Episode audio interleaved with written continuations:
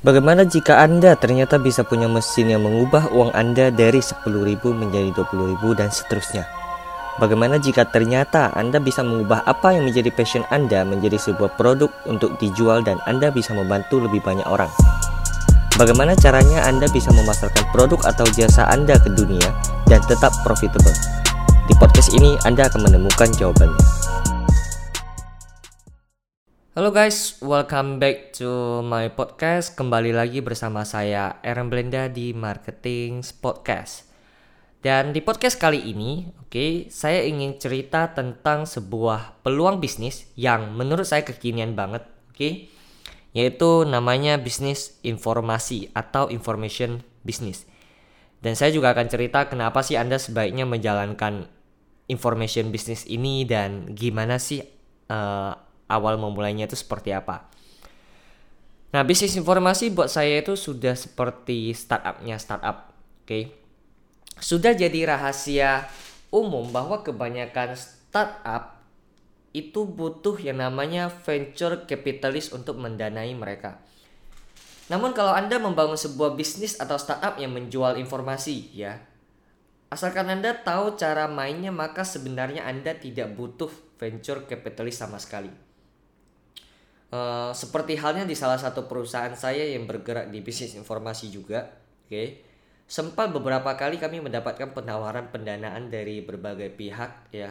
Uh, boleh nggak kami invest di perusahaan kalian gitu, kurang lebih lah ya. Dan kami menolaknya karena memang nggak butuh gitu loh. Kalau anda bertanya kenapa saya nggak butuh ya, saya nanya balik kenapa harus butuh ya.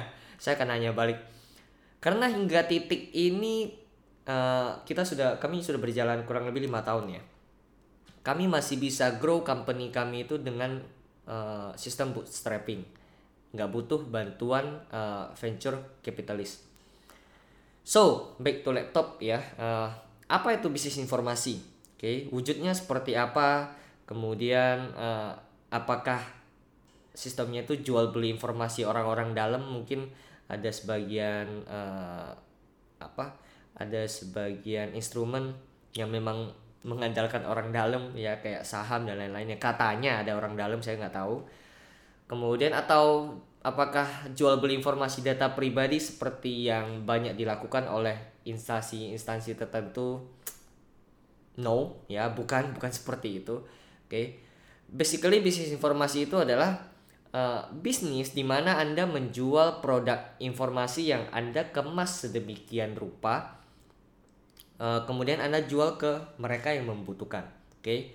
anda bi mungkin saja meng, uh, bisa saja mengambil pelajaran hidup ya mungkin yang sudah anda dapatkan atau anda juga bisa mengemas skill yang sudah anda pelajari uh, beberapa tahun belakangan atau mungkin dari kecil menjadi sebuah produk informasi kemudian uh, turn into consultant or coaching Nah, Anda tidak butuh modal yang gimana-gimana untuk memulai ya, apalagi venture capital Anda nggak butuh sama sekali. Anda hanya butuh passion itu terutama dan kemudian Anda butuh belajar gimana menjual cerita Anda sehingga orang lain tertarik untuk membeli produk Anda.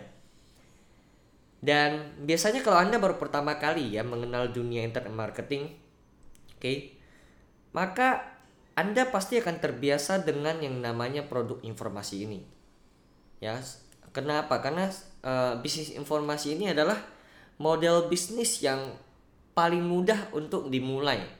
Oke karena marginnya itu sangat tinggi. Kemudian anda cukup bikin sekali dan anda bisa menjualnya berkali-kali dengan biaya HPP yang hampir mendekati nol kalau saya bilang. Ya contohnya anda ngajarin gimana caranya uh, iklan di Google kemudian anda ngajarin cara uh, iklan di Facebook. Dan masih banyak lagi lah. Pokoknya produk informasi sejenis itu ada di setiap niche di luar sana. Contohnya juga misalkan di niche pet uh, anda bisa jual cara melatih anjing. Kalau di niche diet anda bisa jual cara membentuk badan yang atletis itu seperti apa. Nah saya punya banyak cerita tentang gimana follower saya mengenali bakat mereka kemudian akhirnya melakukan apa yang mereka cintai dan mengemasnya menjadi sebuah produk informasi untuk dijual ke orang lain dan dan dan mereka makes a lot of money dari situ ya. Ada yang uh, ada dari mereka yang ngajarin gimana caranya main gitar kemudian ada yang mengajarkan caranya bentuk body six pack itu seperti apa makanan apa yang harus dimakan.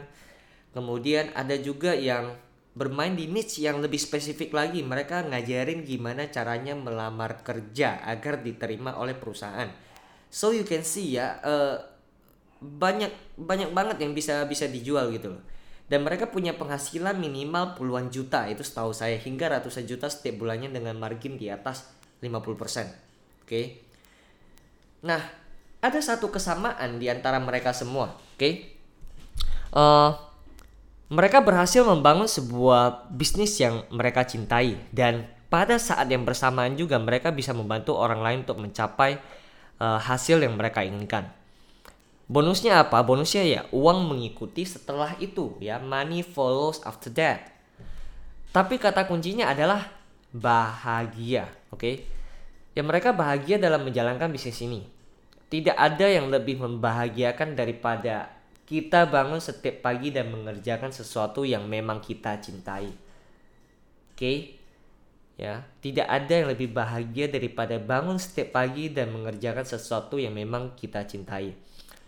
Nah, pola yang mereka lakukan itu kurang lebih sama. Mereka mendokumentasikan diri uh, kemudian shoot video ya, rekam video, kemudian upload di YouTube. Ya.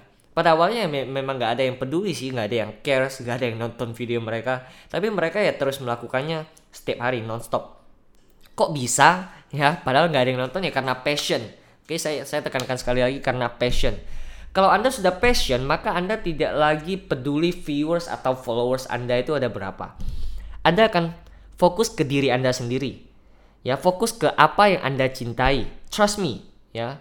Kemudian seiring berjalannya waktu mulai uh, mulai ada yang memperhatiin ya, video-video mereka upload mulai menarik perhatian uh, avatar mereka, audiens yang mereka target ya Kemudian followers mulai berdatangan dari yang awalnya 0 jadi 100, kemudian uh, 1000, 10.000 dan seterusnya.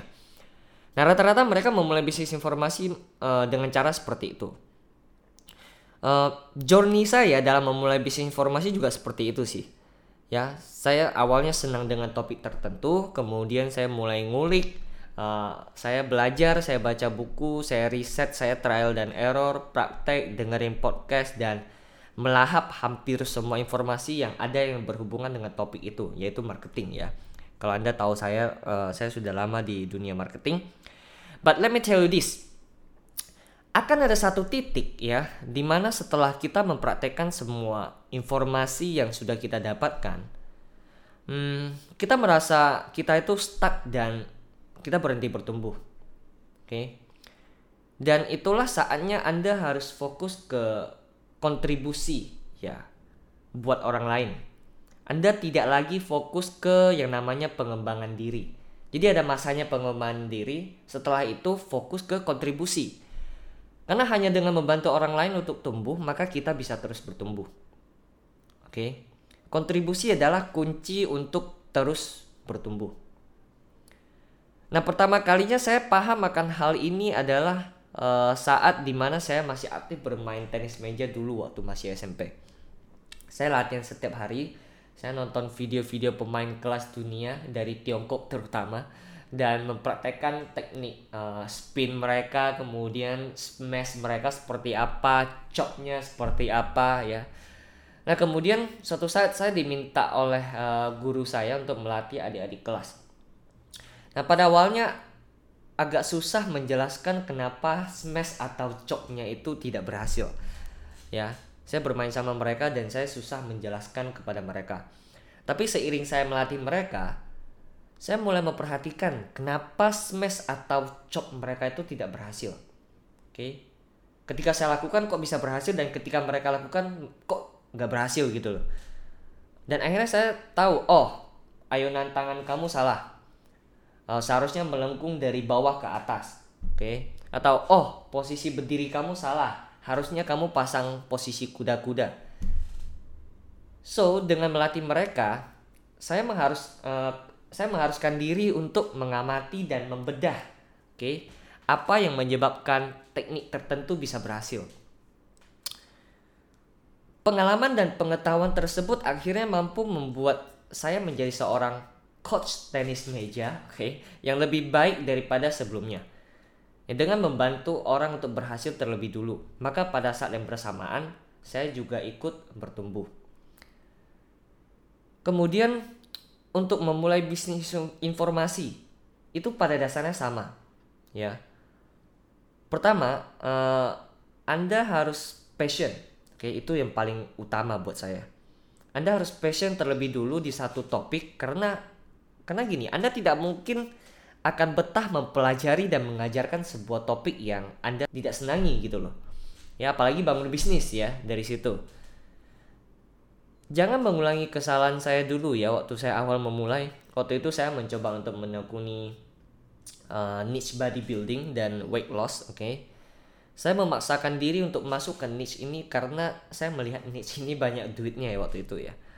Tapi saya sendiri tidak enjoy meskipun saya senang nge-gym tapi uh, gimana ya saya senang nge-gym itu belum sampai tahap di mana saya itu passionate banget dengan dunia gym atau dunia fitness oke okay? akhirnya apa ya setiap kali mau bikin konten saya sudah mager duluan saya udah males duluan ya akhirnya kandas di tengah jalan saya habisin waktu uang dan pikiran uh, poinnya adalah anda jangan memulai sebuah bisnis kalau Anda sendiri itu tidak passionate di dalamnya. Oke. Okay? Meskipun Anda tahu di situ banyak duitnya ya. Anda lihat deh eh, orang-orang yang paling kaya di dunia itu mereka mengerjakan bisnis itu semua uh, mereka mengerjakan sesuatu yang benar-benar mereka passionate gitu loh. Oke. Okay? Kemudian kedua, ya setelah Anda belajar anda riset, Anda trial dan error, Anda sudah praktek karena Anda passion ya. Maka Anda akan menyadari Anda tidak lagi bisa bertumbuh kalau Anda belajar sendirian. Maka di saat itulah Anda harus shifting ya, fokus Anda dari pengembangan diri tadinya menjadi kontribusi dengan membantu orang lain untuk bertumbuh sehingga Anda juga akan terus bertumbuh. Oke, Mah so uh, itu tadi sharing saya um, kali ini untuk bisnis informasi. Semoga bisa memberikan Anda insight baru dan Anda bebas bertanya ke saya, oke? Okay? Anda bisa kirim email ke saya di rmblenda@alona.co.id kalau Anda punya pertanyaan yang ingin saya bahas di podcast saya. Oke? Okay? So, see you in the next episode. Jangan lupa marketing hari ini.